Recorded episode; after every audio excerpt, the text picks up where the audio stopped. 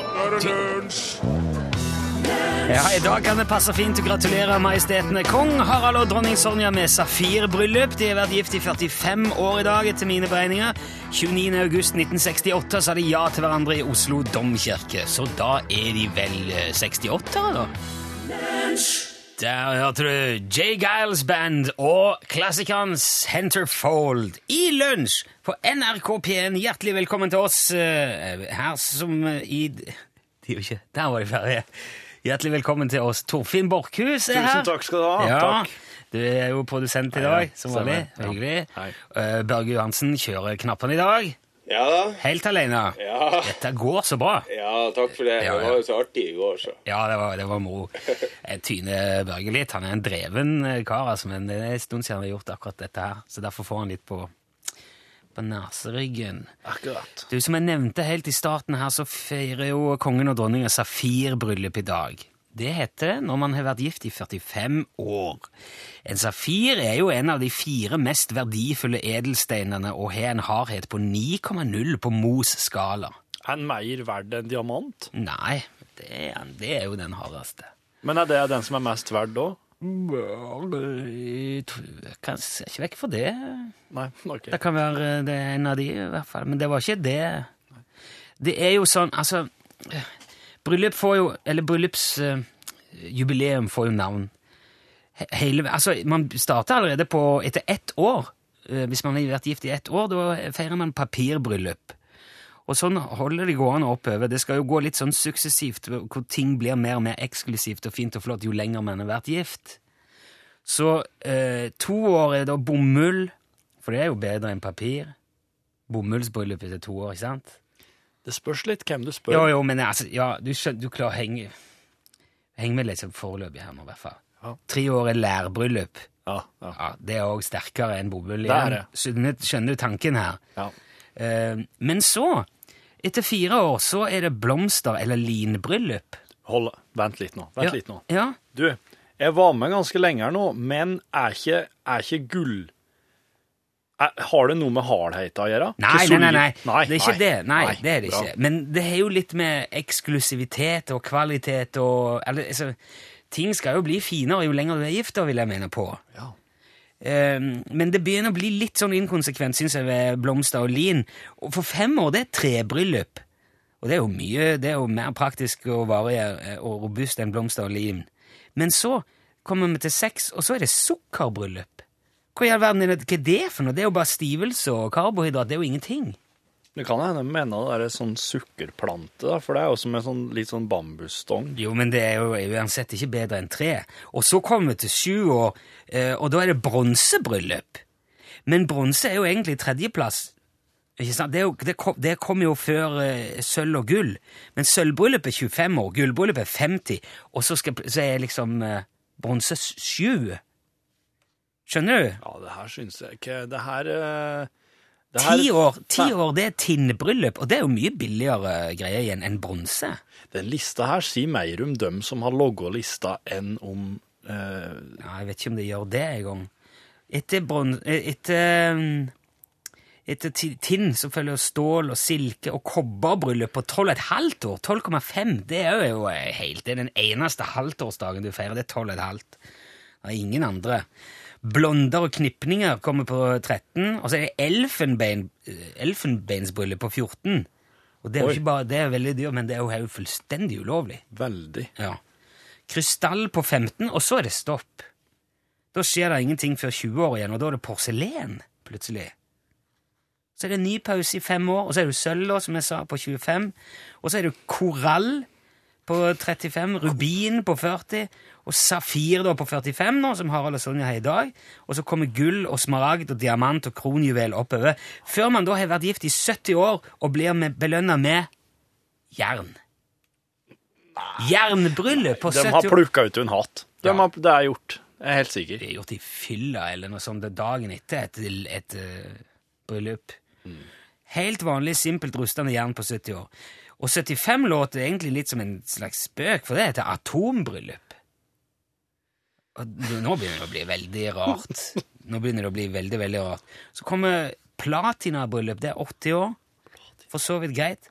Men så kulminerer det jo altså det, den, den siste, Det siste jubileet man har, det er 90 år. Du har vært gift i 90 år. Ja. Og hvis man presterer en slik bragd, som det jo virkelig er da, å være gift i 90 år, det er godt gjort. Ja. Enten det er eller Ja, ja, det er godt gjort uansett. Hva får du da? Da kan du feire granittbryllup. Ja, nei. Ja. Fylla av skylda. Det er forferdelige greier.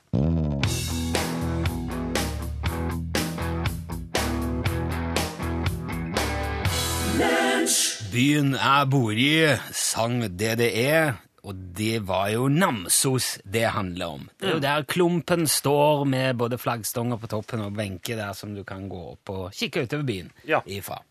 Det er torsdag i dag, og det betyr at vi må ha quiz. Ja. Det er jo noe det starter her i mitt fravær, men jeg hiver meg gjerne med. I juni så begynte vi med torsdagskvissen. Da hadde jo en Are mange mange spørsmål i mange forskjellige kategorier. Eh, Og alle var logga med det formål at jeg ikke skulle klare det. Mm. Og at ergo jeg måtte ha hjelp. For jeg har ikke lov å bruke internett. Nei. Eller ikke lov å spørre en venn. Ingenting. Jeg syns jo det er artigere hvis du som hører på og føler at du kan hjelpe Torfinn, heller ikke driver og internettifiserer så veldig. Og det er òg lov hvis du eh, har lyst til å gi en liten nesestyver til Borchhus og prøve å forvirre han litt. Ja, så klart. Det syns jeg må være greit. Hvis du syns at eh, kanskje ja, at du heier litt på meg, da. At, jeg, at vi skal gjøre det litt vrient for han. For Torfinn må dedusere seg fram til rett svar gjennom eh, hjelpen han får på SMS. Og i dag har jeg forberedt en ganske vrien quiz, føler jeg sjøl.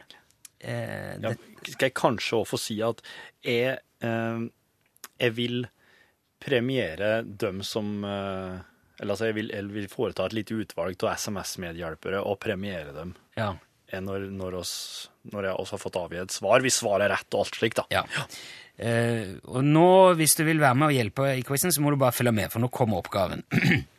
hvis du vil hjelpe, så sender du SMS-kodo L, mellomrom, og så din hjelp til 1987. Det koster ei krone. Det koster ei kroner. Ok, følg med nå. I dag er det nå uh, Uff, jeg begynner på nytt. I dag er det jo nøyaktig på dagen 28 år siden Norges første kvinneuniversitet åpna på Løten i Hedmark. Ja vel. Navnet Løten kommer jo av det gammelnorske lautinn, som er en kombinasjon av laut og vin, hvor laut betyr en fordypning i bakken, og vin betyr eng. Ja. Men vin kjenner vi jo likevel best ifra det latinske vinum, som er en alkoholholdig drikk framstilt gjennom gjæring av druesaft. Ja. Det må vi nok kunne si. ja. Og Frankrike er jo for veldig mange vinlandet framfor noen. Frankrike har et stort mangfold av vin, fordi det òg dyrkes et stort mangfold av vindruer i Frankrike. Ja. For eksempel Merlot, Bastardo, Alsace og Primitivo. Men her er det fort gjort å gå seg vill, for en av de druene jeg ramser opp nå, er ikke ei drue. Din jobb er å finne ut hvilken. De jeg ramsa opp, var Primitivo, Alsace, Bastardo og Merlot. En av de er ingen drue. Jeg, jeg kan få skrive dem opp, da. Ja Ok. Nei, ok. Nei, ikke? Ja, Skriv de opp hvis du tror det hjelper, men du får ikke lov til å Primitivo. Primitivo, Bastardo, den synes jeg. Alsace, Bastardo og Merlot. Dette her kan jeg hjelpe deg med etterpå, men nå har, vi- nå har alle fått den hjelpa de eh, Ja. skal få. Ok. Nei, men jeg Og her er jo Jeg har vel bare én sjanse til å få det her riktig, sånn at eh, eh, Jeg vil jo sette pris på litt hjelp her. Jeg kunne jo bare ha tippa. Det er jo, det er jo 25% sjanse. Én av fire er rett. Ja. Men eh, ja, vil du det? nei. Nei. Nei, jeg vil, ha, jeg, vil at, jeg vil at det skal være noe Jeg vil ha noen gode, velformulerte betraktninger på veien her som kan hjelpe meg til å, å eliminere en av dem. Jeg skal si druene en siste gang. Primitivo, Alsace, Bastardo, Merlot. Hvis du kan hjelpe, L til 1987. Her er Lee Dorsey.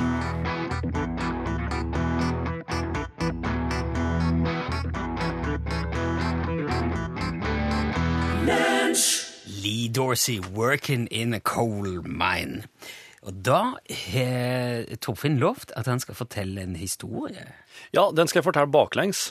I den hensikt å slutte med, med poenget. Eller Åh, gudskjelov at jeg skal begynne med sånn Snett nålemuke Nei, Nei, det skal jeg veldig masete. det, altså, den 3. januar 1971 så blir ei 17 år gammel jente gjenforent med far sin på et sykehus i Pucallpa i Peru.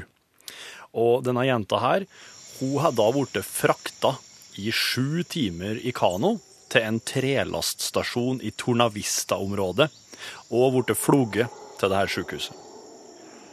Dagen før det, så Det er mye rare ting i jungelen, Rune. Ja, altså, det, er jo, det er jo der dyrene er. Ja, ja, det er sant. Ikke jungelen, liksom, det er jo logga for dyrene. Ja. Dagen før det her så returnerte en gjeng skogsarbeidere åt leirplassen sin, et stykke inne i den peruanske regnskogen. Og ved gapahuken sin så finner de da denne jenta, og de tar hånd om skadene hennes. Det ligger òg en båt ved leirplassen, men eh, den har hun ikke vi hatt tid, for hun ville ikke bare stjele en båt. Eh, og dagen før det her, når jenta finner leirplassen, båten, båtmotoren og drivstofftanken og alt som hører til den, så husker hun å ha sett far sin da han kurerte en hund for orm i jungelen med bensin. Så hun tømmer bensin på sårene sine og klarer å trekke ut larver fra armene. Hun, og hun reparerer seg sjøl. er dette her?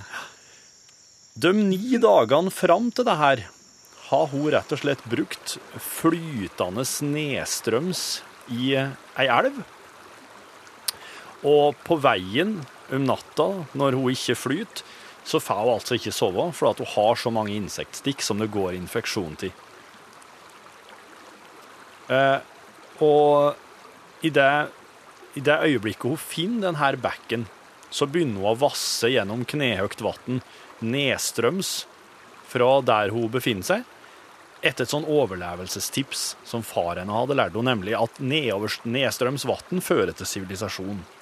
Og bekken den gir også rent vann og er en naturlig vei gjennom den tette regnskogvegetasjonen. Okay. Før hun finner den bekken, så leiter jenta etter mora og etter andre medpassasjerer. Aha. Og før, oh. før hun begynner å leite etter mora, så finner jenta noen søtsaker som skal bli hennes eneste mat på denne turen. I, i, ni, I ni dager? Var det det du sa? Ja. Jenta sin første prioritet er egentlig å finne mora, men hun finner ingenting, for at brillene hennes er borte, og hun har et hovent øye, og det er blitt litt sånn ja, Øyet har hovna opp så mye at hun klarer ikke å åpne det. Så hun finner ingenting. Hun finner ikke mor si, hun finner ikke noen andre. Faen, det, tre- dette er jo veldig tragiske greier. Torfinn. på- Ja, det er, ja men det Det låter jo veldig dystopisk. eh, sagt det. Dystopisk? Er ikke det sånn framtida der ikke, alt ser ja, håpløst ut? Det er dys- dys, dystert, da. Dysto, dyst, ja. Nei, jeg skal ikke Nei, OK, sorry. Jeg skal ikke. Jenta overlever iallfall et uh, fall på over 300 meter, med kun et uh, Oi.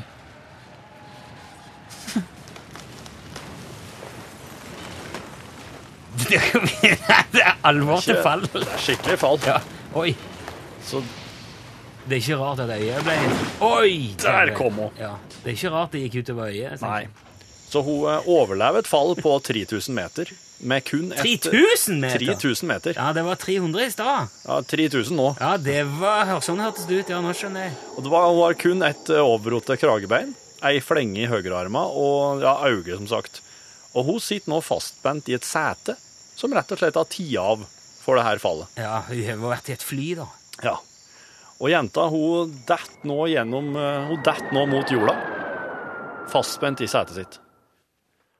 Og rett før det så blir et fly truffet av lynet Oi, oi, oi. under et alvorlig tolvær. Det bryter jo opp i lufta, går i oppløsning i 3200 meters høgde. Jenta og mor hennes, ornitologen Marianne, Maria Kopke, er nå på reise for å møte far og ektemannen, biologen Hans Wilhelm Kopke, som jobber i byen Pukalpa. Det er julaften 1971, og de sitter om bord i Lineas Areas Nacionales Sociedad Anomina, flight nummer 508 over den peruanske regnskogen. Jenta heter Juliane Kopke, Og hun er en tysk-peruansk videregående student som studerer i Lima. Hun skal bli zoolog som foreldrene sine. Og hun har på seg belte på flyet.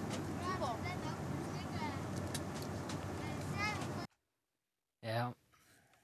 Det var Skjønner du noe viktigere å ha belte på flyet? Ja, jeg uh Hun ble redda. Det var veldig eh, det, var, ja, det var veldig alternativt. Det var det. For nå, det, nå, det var jo nå det begynte. Nå når det var ferdig, så begynte det. Der har du eh, s- Slik starta alle historier. Ja, dette her må å synke litt. eh, Var det, det var et eksperiment på et slags vis? eller? Det var liksom hensikta å, å se eh, og illustrere hva, hva viktig det er å ha belte på fly. Eventuelt hva lite det egentlig har å si i den store sammenhengen. Ja. ja. Og it's ok, det.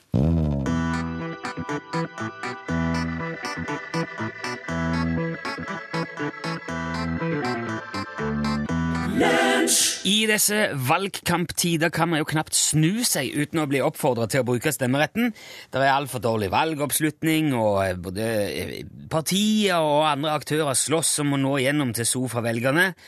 Men nå er det en kar som tar til orde for eh, ja, for det stikk motsatte, egentlig. Og det er da Johannes Lager jr. fra Eiganes i Stavanger. Eh, Egenes. Ja, ja, Egenes, Eiganes. Det, det skrives Eiganes-lager. Er jo Ja, ja, ja, jeg vet det, men det uttales eh, Egenes. Ja, Vi tar ikke den diskusjonen igjen nå. Nei, det trenger vi slett ikke. Nei, dette her handler jo om din eh, offentlige oppfordring til eh, folk om å la være å stemme ved stortingsvalget, Lager. Ja, ikke sant? Og det er kanskje viktigere nå enn noen gang før. Ja, men Eh, la, la oss ta det litt og litt her nå. Hva, hva er det du konkret har sagt om dette? Jo, altså, Uh, dette var da på lørdagens årsmøte i Egenes Porsche og Jaguarforening, hvor jeg var bedt om å holde et innlegg om uh, politikk. Egenes Porsche og Jaguarforening? Ja, det er jo fortsatt en hel del som kjører Jaguar her oppe. Og, eh, det, altså, og før var det jo til og med også en ren Jaguarforening. Ja vel? Ja, ja, ja, men nå er det åpent for alle. Uansett om man har Porsche eller Jaguar. Eller begge deler, for så vidt. Ok, det var jo inkluderende. Ja Ja. da, vi er veldig inkluderende og runde i kantene og helt vanlige, hyggelige mennesker her på Egenes. Men du ble bedt om å si noe om politikk på, på et møte i denne foreningen, altså? Ja, det stemmer. Ja. Så jeg satte meg da ned og tenkte litt over hva er det egentlig som er politikk nå i dag? Jaha? Ja, ikke sant? Hva driver politikken egentlig med? Og hvorfor trenger vi i det hele tatt politikk? Det låter som et veldig stort spørsmål å svare på. Det ikke- Ja, det kan muligens være det, men svaret er faktisk forbløffende enkelt. For svaret, ja, det er nei. Nei. Ja, nei. Svaret på hva Hva mener du med nei? Det eneste politikken gjør, er å kreve inn skatt som de bruker opp på alt mulig.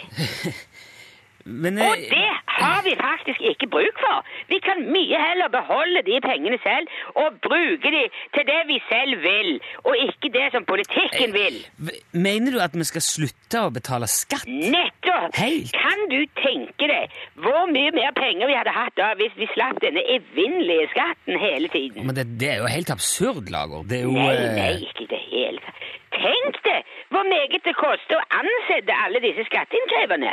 De skal jo ha lønn, de òg. Ja, men, men noen må Ved å fjerne ordningen med skatt og politikk, da fjerner vi altså det fordyrende mellomleddet. Mener du at staten er et fordyrende mellomledd? Min far, Johannes Lager DY, drev med import og eksport og videreformidling og salg og kjøp, og han hadde jo leverandører og kunder over hele verden.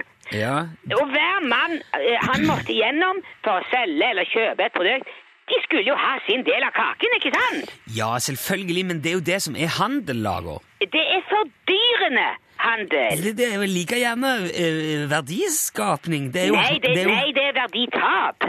Og slik er det jo også med denne skatten, ikke sant? men, men hvem er det da som skal bygge skoler og sykehus og Ja, men det er det som er hele poenget. Hvis man trenger en skole, ja, så bygger man den selv for de pengene man ellers måtte betalt rett i skatt. Hvem skal holde veinettet i orden? Hvem skal måke om vinteren? Lage gang- og sykkelstier, tunneler, bruer? Ja, men hva i all verden skal vi gi med tunnel på Egenes? For ikke å snakke om bro Det er ikke det som er poenget. Det, Jo, det er jo nettopp det som er poenget. Hvorfor i all verden skal jeg finne meg i at en politiker skal bygge tunnel her hos meg, når jeg ikke har det minste behov for det? Men altså, et samfunn må jo ha en slags kollektiv ordning for infrastruktur og offentlige ti- Hvem er det som skal hente søpla di hvis du ikke betaler skatt? Da ringer man søppeltaxien eller han Johannes på eh, kaien, og så bruker man noen kroner på det heller. Det er jo mye bedre og mye mer fornuftig måte å gjøre det på. Det der, dette her er jo helt på trynet, rett og slett, Lago. Uansett hva man skulle mene om hele ideen om å fjerne både skatt og politikere, så det vil jo ikke bli sånn uansett, fordi om man lar være å stemme ved valget. Ja, men jo, selvfølgelig gjør det det. Altså, Dersom ingen politikere blir valgt, så vil det heller ikke være noen som krever inn all denne skatten. Det, det, det, er, ikke, det er ikke sånn det fungerer. Men det er sånn det vil fungere. Hvis vi, hvis vi ikke bare oppmuntrer dem hele tiden ved å stemme på dem om og om igjen. Dersom man ikke kaster søppel i haven, ja, så kommer det heller ingen måker. ja, men det, det, det faller på sin egen urimelighet, det her, laget. Jeg må si, jeg håper ingen følger ditt råd, og heller bruker stemmeretten på, på det partiet de er mest enig i. Ja vel, men det vil være veldig dumt, for da får vi fire nye år med skatt og politikk. Ja, men det tror jeg bare må finne oss i. Du, du skal ha trakk for praten uansett, Lager, selv om det var aldri så meningsløst. For det, Det var bare hyggelig. Og hvis noen vil høre mer om dette spennende stoffet, så arrangerer vi altså en whiskyaften med Egenes Porsche og Jaguarforening førstkommende mandag nå klokken 17. Ja vel. Er det noe alle kan Det er åpent for alle? Alle som har Porsche eller Jaguar eller for så vidt begge deler og er medlem i foreningen, er hjertelig velkommen. Ok. Da blir det kanskje ikke så veldig mange som kommer? Vi pleier gjerne å være mellom 18 15-20 stykker. Ja, det var da enda godt. Takk skal du ha, Johannes Lago jr. fra Egenes. E eh. e Egenes. Ja, ha det bra, ja. Johannes. Ja, farvel, farvel. farvel. Hei, hei.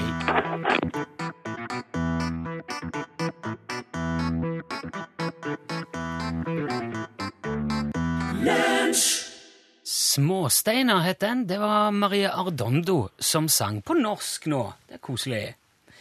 Vi har en quiz eh, gående. Eh, Du syns det er koselig når de synger på norsk? Ja, men hun synger på, sunget på veldig engelsk veldig lenge. Ja, sant. Og så et par av de bløde konsonantene ut eh, i sangstemmen sin. og Så blir det- så mye norskere med en gang. Ja, det er dialekta du det, det gjør, Koser deg med. Det gjør ikke noe verre, det. Nei. Du, har altså en quiz gående som eh, du som hører dette, kan hjelpe Torfinn med å løse hvis du vil. Eh, I forbindelse med at i dag er 28 år siden Norges første kvinneuniversitet åpna på Løten i Hedmark, så skulle du finne ut hvilken av disse fire som, er, som ikke er i vindrua. Primitivo, Alsace, Bastardo eller Merlot. Ja. Det første jeg tenkte på, var at eh, bastardo høres det absolutt ikke ut som ei drue, tenkte jeg. Men Du har fått mye hjelp her. Veldig Ja, men så mye hjelp. Men så, ja da, jeg, skal, jeg kommer dit, for at Karstein han skriver den eneste druesorten jeg veit navnet på, er bastardo, på grunn av det rare navnet. Så dermed, bastardo er med videre. Du stoler på han? Jeg stoler på Karstein når han skriver det. Ok. Og så kommer det vil. Det her med at primitivo er ikke ei drue, men det er ei surmjølksbakterie som brukes i tannkrem for å stimulere drøvelen og høyhastighetsrotasjon under gurgling for å maksimere effekten av fluor i vannet. Ja. Det May-Britt skrev der, altså det, det vart det, det gikk det bikka over. Så dermed så er primitivo med videre, det nå. Men altså, det Og Merlot ikke, veit det er ei drue. det låter jo ikke så urealistisk at, d- at drøvelrotasjon vil hjelpe på, på Ei fluordistribusjon. surmjølksbakterie som hjelper med høyhastighetsrotasjon under gurgling. Nesten alle sånne bakterier er jo surmelksorienterte. Jeg- Altså, faktisk så Det er mulig at jeg har en veldig dårlig intuisjon, men den, det May-Britt skrev der, ble bikka over til at jeg faktisk tror hun tuller med meg. Så Primitivo er med videre, Bastardo er med videre, og Merlot har jeg faktisk hørt om sjøl. Dermed Og så, da, kan du si at ja, den meldinga jeg fikk fra Jørn Thomas, så der det står Bastardo er ei blå vindrue. Primitivo også, kjent som sin fandel. Alsace er en region, ei en drue. Merlot er den vanligste blå vindruen. Da var det rett og slett spikeren i kista for Alsace. Alsace, som òg veldig mange har skrevet i, i, på SMS, er ikke ei drue. Tenkte Det er et område. Å ja, du er så sikker på det at uh... Uh, ja, jeg går for Alsace. Alsace er ikke ei drue. Alsace er et område. Svar avgitt? Svar avgitt. Ja, det er en region i Frankrike langs grensa mot Tyskland og Sveits. Rhinen er grenseelv, og den største byen er da Strasbourg. Ja, Alsace og deler av naboregionen Lorraine var en del av Tyskland mellom 1871 og 1919. Interessant. Så der, eh, der snakker de litt både tysk og fransk, og det har vært et sentralt stridsområde mellom de to statene, faktisk. Ja. Jørn Thomas, eh, du skal få en, eh, en påskjønnelse i posten. Vent ved postkassa. Vent ved postkassa. Avvent ved postkassa. Ja, eh, var det, var det en grei utfordring? Det er jo verdens beste quizlag, det her. Det er jo ingen utfordring som er for stor. Nei, men ok. Jeg lærer, jeg lærer. Jeg er ikke helt på are-nivå ennå. Neste torsdag skal du få noe som er så cunning at du kan pusse tennene i det.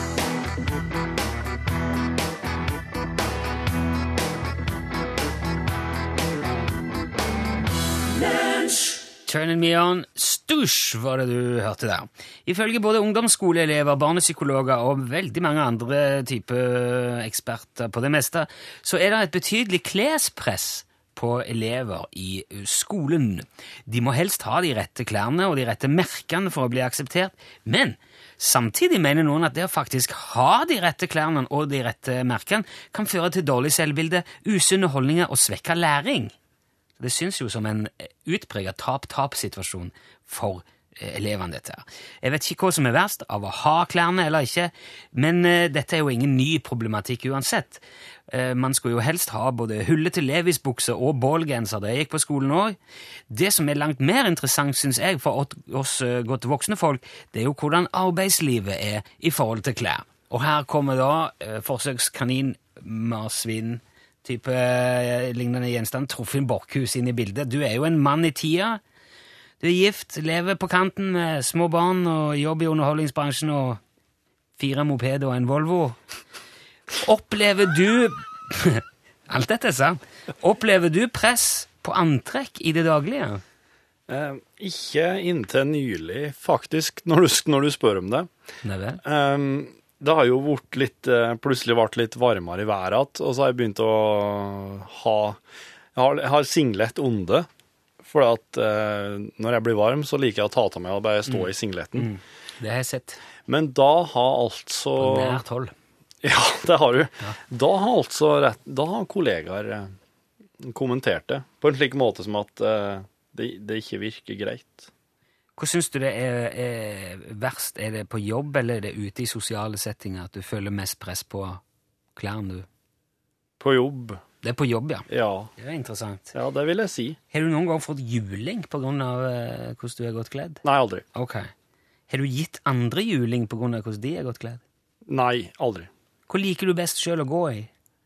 Jeg liker å gå i eh, korte shortser og singlet. Ja. Og det er det som òg har vist seg å være et problem. Dette, noen? Ja, kort, kort shorts er for mange eh, provokasjon. Ja. Singlet har òg vært pro, provokasjon nå i siste, skjønner jeg. Er, er, det, er det eh, i ferd med å bevege seg dit hen at du vurderer å ikke gå i det på jobb? Nei. Det er så Det er, for at det, det, det er litt som vann på gåsa, egentlig. Å ja. Jeg, jeg konstaterer at eh, det skjer, men jeg bryr meg ikke nevneverdig. Hvorfor er det så viktig for deg å ha kort shorts og singlet? Jeg sier det nå om deg som person, føler du?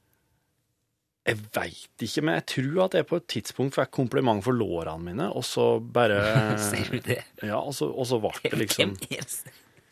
Hvem var det? Nei, Jeg bør ikke si det på radioen, men Eh, Skulle du noen gang ønske at vi i NRK hadde uniform som alle måtte gå i? Nei. Det, det vil jeg Det hadde jo fritatt deg for enhver tanke om Du hadde ikke behøvd å planlegge det, du kan bare sørge for å ha en rein hver dag. Men jeg ser enkelte kollegaer som går i eh, de NRK-klærne sine hver dag. Og det syns jeg hadde blitt kjedelig hvis oss alle skulle hatt det. Ok. Det virker som du er, Ut ifra disse spørsmålene så ser det ut som du er harmonisk og, og tilfreds, at du ikke er under press. Altså antrekksteknisk messig press, verken på jobben eller sosialt. Og det stiller deg òg i posisjon til å kunne gi råd til andre. Hva er ditt beste råd til de som vil kle seg riktig og få mange venner og, og ha det bra på jobben og i det sosiale? Eh, jo, jeg vil eh, absolutt anbefale folk å kle seg i ting som de eh, nok kan forvente reaksjoner på. For da har du i det minste et eller annet å prate om. Og hvis at du kjenner at du klarer å og at, at, at det preller av, at du liksom ikke tar det noe innover deg, så, så blir du sterkere på det. Ja, Hvis du tar det innover deg, da? Da må du vurdere å trekke litt tilbake, kle det, eh, det ned litt, og så prøve til at Men, men bare Ja, men Dette her var jo ikke noe Dette her er jo bare 'det kommer an på'. Det var jo det du sa nå. Uh, Ja. Nei, men da sier jeg prøv en gang til, da.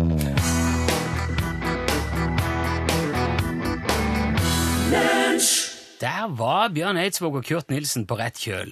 Og det gleder meg å høre. For Kurt har jo vært langt ute å kjøre nå. Lenge. Nå?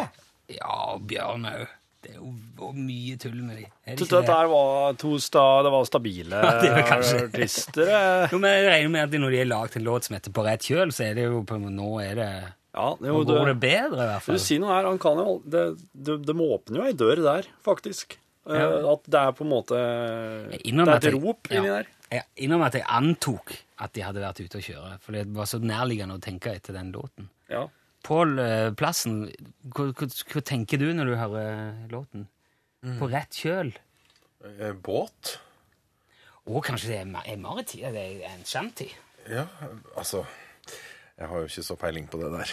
Lite bruk av eh, kjøl i, Gudbrandsdalen, eh, husker det. Jeg var så forberedt på å svare på spørsmålet om bruk av belte i bussen at det var bare det jeg satt og tenkte på. ja. Men når du da først setter deg på bussen, Ja. eh, har du da på deg belte? Altså, jeg vet at de ofte er opptatt av det på flybussen, f.eks. Ja. Eh, og det går bra nå, holdt jeg på å si, når det er sommer og kanskje bare en T-skjorte. Men jeg får aldeles klaustrofobi om jeg må trekke det over eh, boblejakke, og det sitter noen ved sida av med boblejakke, og du må ha bagasje på fanget og Men mener du at boblejakka di gjør deg tryggere i en eventuell kollisjon? Sånn at du ikke tror, stor, altså. Nei, men du er selvfølgelig helt eh, for uh, sikkerhetsbeltet. Ja. Alltid når en har det tilgjengelig. Hjelm, da? Styrthjelm, eventuelt. På, ja, men på sykkel og Å ja, slik, ja. Ja. Eh, ja. Knebeskytter, Nei. tann... eh, Nei. Ja, eh, altså spørs hvilken anledning, selvfølgelig. Ok. Jeg trodde du mente om jeg går med hjelm og knebeskyttere sånn Ja. til enhver tid, nesten, for å være sikker. Men du, det skal handle om sikkerhet i Norgesklasse i dag også.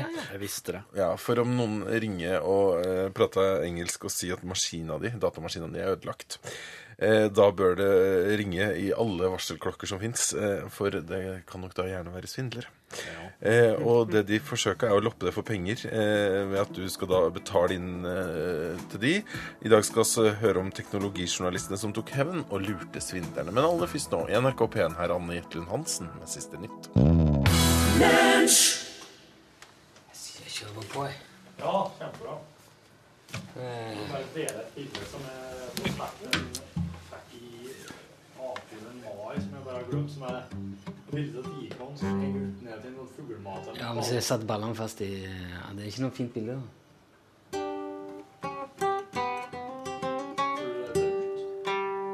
Hæ? Nei, jeg vet det sånn. Hvordan er lyden nå her, folkens? Du som hører podkast, er det greit? Ja, så jeg satser på det. Dette er da ekstramaterialet vårt i dag. Etter at du har hørt sendingen som du har hørt nå i dag. Til stede på kontoret er undertegna. Jeg heter Rune. Torfinn står der borte og skal bare legge ut et bilde av et ekorn som er satt testiklene fast i en eh, ting. Fuglemater. Fugle, en fuglemater. Hva var det? Det var døra som gikk i lås. Døra blåste igjen. Akkurat her nå i vår tilstand er det eh, solskinn ute. Torfinn har satt opp vinduet, og kanskje derfor det blåste igjen her. Jeg har hatt en uh, hyggelig sending. Litt sånn uh, på det jevne sending, syns jeg. Ja, Noe litt gøy, noe som var helt ok, noe som var bare sånn eh, greit nok. Og,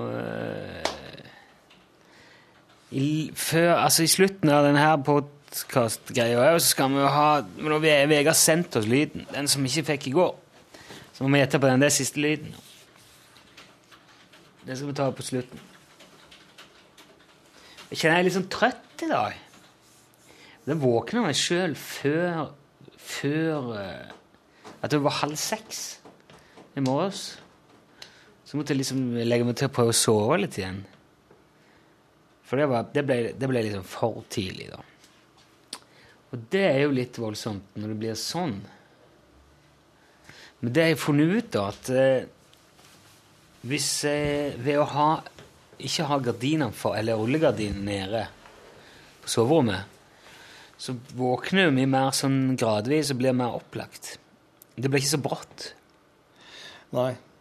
Lyset, ja. Ja. Så det, så, Og så vet jeg jo nå at eh, om ikke så lenge så kommer vinteren, den kalde, fine tida, endelig fri å få, men da blir det veldig mørkt. Spesielt i vår kant av landet her i Trondheim blir det jo Ja, det er plasser som er mye mørkere enn her, men det er jo mørkt når du står opp, ja, det er det. og mørkt når du legger. Helt mørkt. Eh, og det kan være litt tungt. Så jeg lurte lurt på om jeg skal kjøpe sånne vekkerklokker som eh, er et lys. Ja. Det har vår kollega Nina god erfaring med. Nina? Japp. Nina i P3. Oh, ja. Hun eh, har bruker slike, slik, og det gjør visst hele forskjellen for henne. Jeg sitter i Finns. Han starter litt sånn forsiktig, mm. og så gjør han det lysere og lysere mot ja. Det der er jo sikkert eh, en, den mest naturlige måten for oss å få en god start på dagen på. ja, ja. Det skulle jeg tro. Nei, jeg merker, jeg merker det veldig godt at det, det Nei, vi må ha Du har, ingen, du har ingen som kan se inn på deg på soverommet da, hvis du har rullegardina oppe? Nei, Nei. Nei, da er det greit. det skal det Da må du klatre opp på bilen, liksom. Det hadde du hørt, Ja. tror jeg. Jeg har i hvert fall reagert veldig på det. Men ikke, den bilen din den er jo ganske ny. Er ikke den sånn at hvis noen driver og skubber bort på den, så begynner den å ule og pipe? da? Jo, han gjør det. Ja. Du klarer ikke å klatre på taket på en sånn bil uten at det begynner å pipe, tror jeg. Nei, det gjør du nok ikke. Det er sant det du sier. Vet du hva? Begge tu Både på veien til Danmark og hjem fra Danmark gikk alarmen mens han sto på bildekket i ferja. Såpass, ja. Ja. Og da var det bare rett og slett bølger som ja, det må jo ha vært det. Eller noen er dytta borti, eller Jeg tipper jo For det er jo bevegelse, spesielt når det går for å legge til og Ja, ja den der dultinga. en dult, eller Og Nei, ja, det var jo ikke et år, for da satt vi i bilen, så det må ha vært noe la få Ja, nei, jeg vet ikke. Jeg har, eh, jeg har Kjerringa mi var veldig trøtt i dag. Og du òg? Du var der nå, så? Nei, trøtt. Jeg, er ikke, jeg, føler ikke, liksom, jeg føler meg ikke som Clark Kent sjøl, altså. Det er torsdag, da. Torsdag er jo en trøtt dag. Det er liksom, har du, vi har jo gått ut hardt. Du går ut hardt, altså. Men jeg tror at også påvirkes av du vet, den Hogg-kalenderen. Har du hørt om den?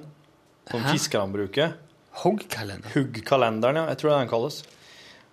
De som er veldig interessert i fiske, de eh, følger med på en sånn her hugg-kalender. For det, i den kalenderen så står, eh, står det når fisken er liksom predisponert for å bite. Eh, Men egentlig så handler det bare om månefaser. Og jeg tror at hvis du ser i den der huggkalenderen, så kan du også si noe om hva opplagt du kommer til å være den dagen, og ikke. For jeg tror det er, jeg tror det er månen som Det er jo er ikke dette borderline astrologi, liksom? Eller er hakket hvassere? Altså, når månen påvirker havet og tidevannet, så må det jo påvirke Ja, ja, også. Ja, det. Men jeg, merker jo òg at eh, jeg kan ha Det har hendt at jeg har hatt skikkelig vondt for å sove eh, når det har vært eh, fullmåne. Mm. Men eh, det, er ikke, det er ikke konsekvent. Det er ikke det? Nei. Du har sjekka det? Ja. Ok. ja. Det er jo rom for variasjon her, så klart. Det er jo Men jeg tror det er litt sånn torsdag, altså så, det er helg, og så er det kanskje litt uh, halvøy, eller eh, Ja, litt, litt vin og en konsert og sånn. Det var det jo forrige helg. Så ble det en tur på søndag, litt slapp av, og noe middag, eh, søndagsmiddag, og så er du liksom lada opp. Så ja, nå skal det bli godt å komme på jobb, og så går du ut hardt, og så er det rock'n'roll. Så går det tre dager med det der. Ja. Og så uh, Nei, nå, nå ble det litt mye her. ja, ja. Dæven torsdag. Uh. Ja. Og så er de liksom bare Men i morgen er det jo siste kramp, krampetrekningen før helg igjen, og så Da blir du kanskje litt mer opplagt igjen, fordi at Mm. Ja. du ser målstreken og Vet du, ikke det, Hva heter den der sokratiske metoden sånn Her kjører du. altså, Sokrates fant opp en metode for å være opplagt etter å ha vært på ei Nei, det er ikke det. Det er den der dramaturgiske kurven. For et teater. For all drama. For det aller meste. Ja, den har jeg hørt om. Ja, ikke det Nei, det er ikke Sokrat... Nei, det er ikke yeah. Det er i hvert fall en sånn er Aristoteles. Aristoteles, er det Ja, det? mm. Den aristoteliske Kurven Det er liksom den, da. Jepp. Dette ser jo ikke du som hører, men det starter med et anslag og en presentasjon som er en del av introduksjonen til en historie eller en fortelling. Eller det kan være film eller teater eller hva som helst. Og så går den opp fram til opptrappingen, som eh, innebærer komplikasjon. Ja. Forverring. Plutselig er du på past the point of rescue. Ja, point of no return. Ja. Vendepunkt, kulminasjon, opp mot klimaks, som er den øverste toppen på kurven, som da går over i avrundingsfasen eh, mot resolusjon og ja, en finale. Da. Og den ser ut som en eh, kan vi si, en liten Han begynner nede, og så går han litt opp, og så går han litt ned, og hele veien bortover, og så går han mye lenger opp, og så går han ned igjen. Det ser ut som To, sånn eh, kamelrygg med en liten og en stor pukkel. Ja, det ser kanskje ut som salget av VHS. Ja. Nei, det har kanskje Jeg vet ikke. Har inntrykk av at mitt at VHS datt kjempefort. Når det først datt. I alle fall, Jeg lurer på om kanskje den der uh, greia der kan være sånn gjengs for alt. Kanskje det er egentlig et sånn universelt prinsipp, det der. Først litt opp, og så flater det ut, og så t- på bang i været, og så er det helt stopp etterpå. At det er sånn wow! det, kan, det, det er lyden av det. Ja. Wow! Ja, det er bra illustrert. Du kan illustrere på den måten. Ja. Det er det no, jeg tror det er noen ting det ikke gjelder. Kanskje hele livet er sånn. Mange slike, da. Jeg tror du at Å ja, du tenker at eh, klimakset er når oss ligger for, du, ja. Der dør oss. Nei, men Nei. Uh, slutten kan jo være Nei, jeg vet ikke. Nei, for at livet i seg sjøl tror jeg er mer En som liten et dings. Jf. Lars. Eller, og en stor klump. Jf. Trond-Viggo Torgersen, eller noe. Nei, det er jo Livet er en liten dings. Livet er en stor klump. Oh, ja. ja Det jeg, er alt som jeg kan si. Men har du noen gang hørt slike forløsende ord? Det er du som er det Lillosmannen. ja, ja, ja, Hva er det for men en sang? eh, livet er en liten dings. Den Ja, det er heter det. Det. Men den har jeg ikke hørt på nesten i hele tatt, tror jeg. Mm.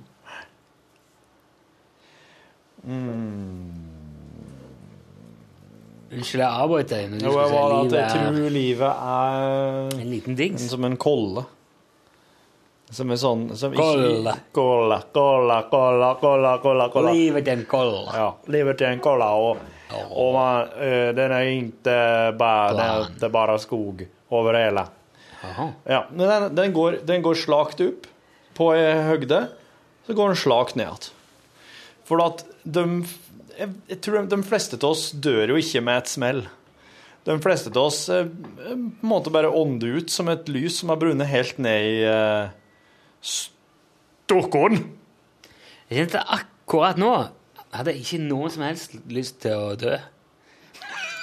Nei. Nei. Nei, jeg tenker... Jeg fikk en sånn følelse av at nei, det hadde vært noe drit nå, altså. ja. Ja. Midt oppi alt dette her. Jeg håper at hvis du har lyst til å dø, og du hører det her, så kanskje du får litt mindre lyst. Ja, det er altså Det, det er et utrolig Jeg vil si at det, Egentlig vil jeg si at det er jo ikke noe alternativ engang, for det, det er jo bare Det er, det det er enten eller. Det er det. Ja. Det går ikke an å si jeg skal se om det er bedre, eller Jeg tror kanskje det er greiere å gjøre det sånn Du vil aldri få vite om det var det. Nei. Aldri se det løse. Det er liksom eh, Det er som å få en ulyd i bilen, og så istedenfor å fikse den, så bare slipper du den fra et helikopter over Marianegropa Ja. i havet, over havet der. Ja, ja. Ja, Marianegropa er da, for dere som ikke visste det, for dere som ikke har lest Viggo når dere var mindre, verdens djupeste undersjøiske Canyon. Ja! Han er vel Elleve- 50 milliarder mil lang. Den er i hvert fall 11 000 meter djup. Ja, det er 11 000, ja. Ja, det er 1,1 mil. Nedi dit. Ja, det er lenger ned dit enn det er opp til Mount Everest. Ja, akkurat. Mye. For en plass. De må, tenk hvis du hadde tømt, tømt havet. For en plass de må ha vært nedi der. Altså, tenk på hvor vanvittig imponerende de fleste fjellene hadde blitt. Mye mer imponerende de hadde blitt hvis de hadde fjerna vannet. For da hadde de blitt mye høyere plutselig. Ja, ja, det. Men det har blitt noen utrolig dype raviner og så helt nedi da. Men hvis vi hadde tapt bare sånn at de var i at det var i rød ja, ja. Det hadde jo sikkert blitt veldig, veldig bra for turisme. Hva hen? Marianegropa? Ja, eller mange av de fjellene Ja. Jeg tror det hadde vært veldig mye ras hele tida. Tror du vannet holder det på plass? sånn Ja, jeg tror det er noe der, altså. Det hvis du hadde tapt fjordene, norske fjordene for Ja. da hadde det blitt eh, Da hadde det vært guffent å bo eh, midt i ei fjellside. Ja, sånn ja, ja. ja, ja. ja men de hadde bodd midt i fjellsida, ja. Ja. Det hadde de. Vært sånn eh, noen helsikeste veier for å komme seg opp dit. Ja, hadde fått Flåklypa til å virke som Jæren. Ja, ja. Danmark. Da hadde du måttet demt opp, da. Du hadde måttet tappe og demt opp uti der øh, fjorden begynner. Du, tenk så kult det hadde vært. da. Bare, for det, de, det er jo flere av de fjordene er jo så smale, vet du. Ja. Hvis du hadde lagd lagt en demning, Mm. og så tømt en fjord, bare for liksom, som et slags eh, eh, Som et turistattraksjon. Ja. Eller sånn, verdens eneste Ja. fjord uten vann. ja. This is what it looks like without the water. Og så kunne de I den der, Hva heter den fjorden som er så Jeg, glemmer alt. Hardanger. Nei. Sognefjorden. Der eh, som det Der som det kommer tsunami i øyeblikk. Ja. Og jeg glemmer det alltid. Jeg beklager. ja. Men i alle fall, du Ja. det er jo et svært stykke fjell som er i ferd med Eller som Ja. er løst. Det står i fare for å ramle ut. Der. jepp. Det vil si jeg hadde lagd en demning i enden av fjorden, Ja. tappa vannet, Ja, ja. sprengt ut skiten, Kunne være rase. dumpa det nedi, Jepp. og så fylt opp igjen. Hatt krane bare på. Det er, det, er- det, er, er løsning, det er løsninga der, vet du. Det er der, der har du den. De vet jo ikke hva annet de skal gjøre. Det, det, det, det her har de sikkert ikke tenkt på heller. Det skulle ikke forundre meg. Nei, helt, helt sikkert ikke. For det her er sånn klassisk sånn utafor boksen. Det er, er det nok, i hvert fall. ja. Men det er jo eh, Det er jo litt av noen spant, eller hva det er du må slå i for å på en måte få lagd den der demningen. Mm. Det er jo ikke bare bare å mure under vann, Nei, vil jeg tro. fy fader. For å helle så mye vann på plass. Men jeg lurer på eksempel hva, hva stor er Norges største demning, da? Og hvor liten blir den, eller hva, hva, hva, hva liten blir den i forhold til hva du har måttet ha hatt for å demme en fjord? Jeg kan se for meg at Norges største demning er, det er noen solide greier, det òg, altså. Ja, men jeg tror ikke det er noe Det er vel ikke noe sånn eh, det, er ikke, det er ingenting som Yangtze eller Hoover eller sånn aktig her. Nei, men For eksempel oppe ved uh, Hunderfossen. Der har de jo demt opp Gudbrandsdalslågen. Hele jækla lågen er demt opp der. De slipper jo gjennom, da, i sånne Pulje? Ja. Men de kan jo stenge. Ja. Så det kan jo hende at faktisk det er, det, det er noe, oi, overraskende lite som skal til for å helle på plass en så innmari mye vann. Jo, men det de gjør det, vet du, de lager jo en Det er ikke så dypt det. Nei. Så de lager jo i seksjoner, så leder Ja, de vannet til sides, og så bygger de, og så leder de vannet Ja. tilbake, og så flytter de, og så Men det å lede en fjord til sides, det er ikke så, det er ikke så enkelt. For den er så djup, ja. Ikke sant. Problemet kommer i høgda. Vass, vasshøgda. Ja. Ja. Eller dybden. Dybda. Men tenk så artig, og det hadde vært veldig gøy å sitte på. Jeg syns det er veldig fascinerende når ting enten blir satt under vann eller tapt for vann. Ja. Eh, I vannbassengene i Egersund, det er jo en sånn badeplass som vi dro mye og badet på da jeg var liten. Fortsatt veldig populær. Veldig sånn fint område. Med, der lå kai rundt, og der er et grunt område og et eh, og det er sånn stiger. Ja. Det er som et, som et naturlig beliggende bas- basseng. da. Ja. Jeg tror det heter vannbassenger. Det tappa de alltid om høsten. ja. Det var veldig gøy å gå opp der så- og bare gå nedi der som du hadde svømt. ja. Veldig fascinerende. Å, se der er det sånn å, ja. Det kommer ikke fisk oppi dit. Ja, det er jo sikkert litt fisk, men ikke noe sånn Nei. Nei. Ikke på den Hvor stort er det her, da? Ja, det er ganske passe. Parkeringsplass? Ja. ja. Som eh, parkeringsplassen på et mellomstort eh, kjøpesenter. Ja. Mm. Med sånn grunne og dype og Altså der folk kan drive og svømme 25-meterne sine og sånn òg, da? Sånn der bane, liksom? Ja, nei, det er ikke sånn. Det er, det er liksom bare inni enden så er det kai, og, men så er det jo liksom natur. Men det er, det det, er bygd ei kunstig grunn her, da, som går helt opp, eller? Ja, det er delt i to, liksom. Så det er en del som er ganske djup, og så på sida er det en sånn ganske grunn der det er mer strandform. Hva består bunnen her til? Er det betong? Sand og stein. Sand og stein, Det er ikke betong, nei. Nei. Så, så, ja. Men det, det ligger litt høyere opp enn fjorden? Å, ja, ja, mye høyere. Det ligger oppi, oppi heiet. Oppi heia? Ja, heia. heie. Det er det. Ja, ja, det ligger langt ifra. Så, så, så vannet fraktes eh, flere hundre meter opp i Det er ferskvann. Det er ferskvann, ja. Ja, ja, Ja. Jesus, what the. Ja. Ja. Så kommer en bekk ned der, da. ja, mange. Kommer fra Sandkjødden og oppe okay, i ok, Sikkert Koldal. Koldal. Ja, jeg tror. Koldal? Ja vel. Grei. Hva er det for noe? Koldal? En plass. Ja. Bor det folk der? Ja, ja, masse folk. Det er nesten Folldal, vet du. Koldal og Folldal, ja. Det er bare en L, da. Koldal. Eller en midt i og en på slutten. Det er ikke noe L. KOLDAL. Ja. Ja, OK. Da ja, skjønner jeg. Men eh, jeg tror det hadde vært veldig moro hvis jeg hadde klart å tapt en fjord og gått ned i kikt, liksom. eh, Og så her, Kanskje funnet, funnet ting som folk hadde mista fra Ja, båten ja. sine. og Teiner som jeg hadde glemt igjen, og fiskestenger og penger. og Gamle VHS-kassetter. Tenk på alt som ligger nedi der. Sikkert mye mysterier som har blitt oppklart. Ja, tror du det? Ja, det tror jeg. Det er liksom senk, Hiv det på sjøen. Senk det. Det gjorde man jo før. Ja. Spesielt ja, ja, folk som bodde langs kysten. Det var jo mye det Jeg kjenner folk jeg, som har dumpa haieisen sin i havet. For eksempel. For det var, det var jo som man gjorde. Men da er det dårlig vrakpant når du gjør det. Da er det liksom Da er vrakpanten eh, ganske lik null, altså. Ja, jeg vet ikke det Hvis du mener at det er mer Altså at det er, det er mindre arbeid å senke en hais i fjorden Ja, det var visst en del arbeid å få det til. Ja. Alle som har prøvd å senke en bil, vet jo at det er litt mer med det enn en eh, tror. Ser du det, ja? ja det, var, det var jo Poenget var jo å få han ut der det var dypt nok til at du ikke så han Mhm. Ifra båten. For det er ikke så populært når du ser kjører over en bil hver gang du skal, og så Nei.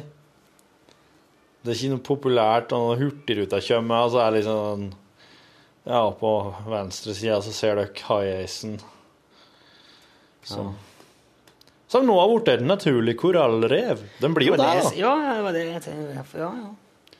Det var noen som foreslo å, å dumpe Jeg vet ikke om det var biler, men det var i hvert fall noen som foreslo det Og et eller annet sånn søppelproblem som kunne løses ved at en bare heiv det på havet, og at det ble eh, korallrev av det til slutt.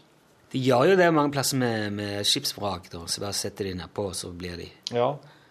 til slutt overgrodd av corals. Yes.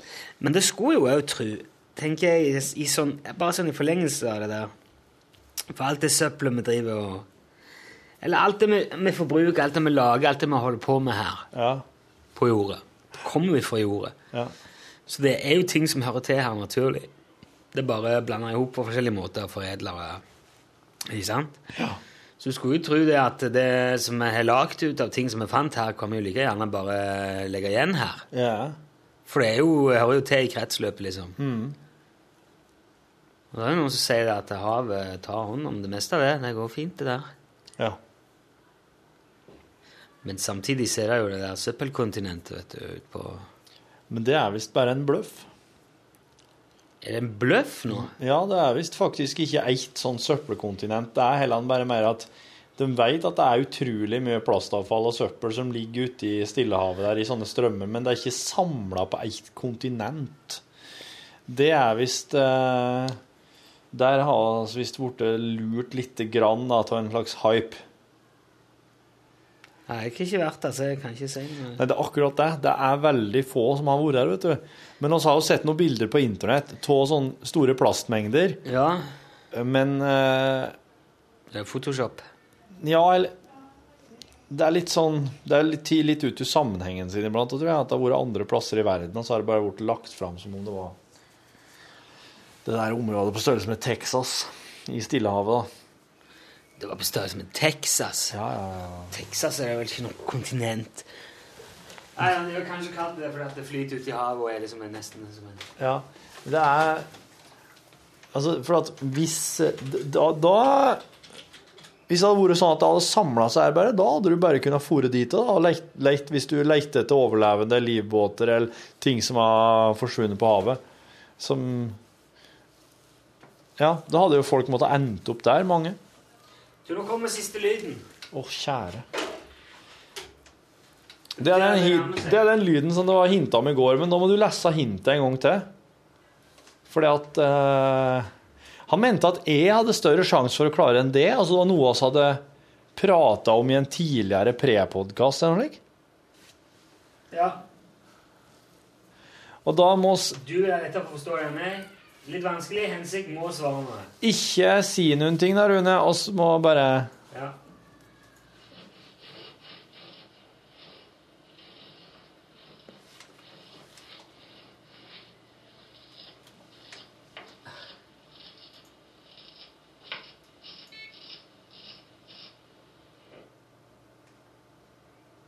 Jeg får ikke mer lyd her. Det er ikke mer å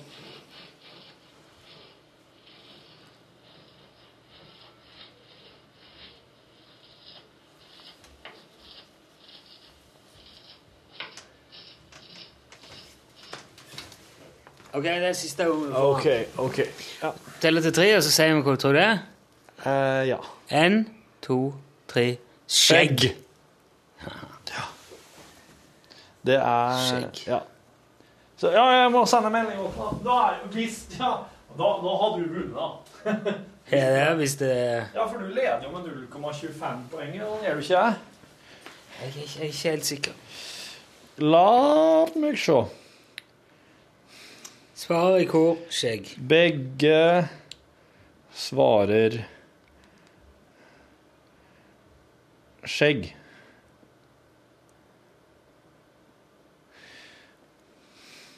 Det er én ting til Du har Nei Jo, du leder med 1,25, tror jeg. 1,25. Ja, ja, nei, jeg vet ikke. Nei, det er Vegard som har styr på her. Du må ikke kjøre bil i morgen før de skal asfaltere på utsida. Du, Ja, det er greit. golf er jo blitt en folkesport. Ja, Før var det jo bare sånn fiffesport. ja stemmer. Å, så flott de feier golfen. Jeg skal opp og spille golf. Ja, mm. Koster meget penger. Ja. Du må ikke... Sånn stavgang, det har jo blitt veldig sånn folkesport. Før Nordic sånn, walking det? med staver, ja. Skistaver i hand. Ja. Ja, det, det er en del sånne idretter som tidligere har vært litt sånn uh, fiffegreier. Jeg trodde det å gå med staver var noe som folk som har vært i ulykker, måtte ha holdt på med. Ja. Men i hvert fall Birken. Ja, Det er jo blitt folkesport. Det er jo ikke Det er jo eh, Både på ski og på sykkel. Ja. Det er nesten ingenting igjen da for fiffen å drive med. Nei.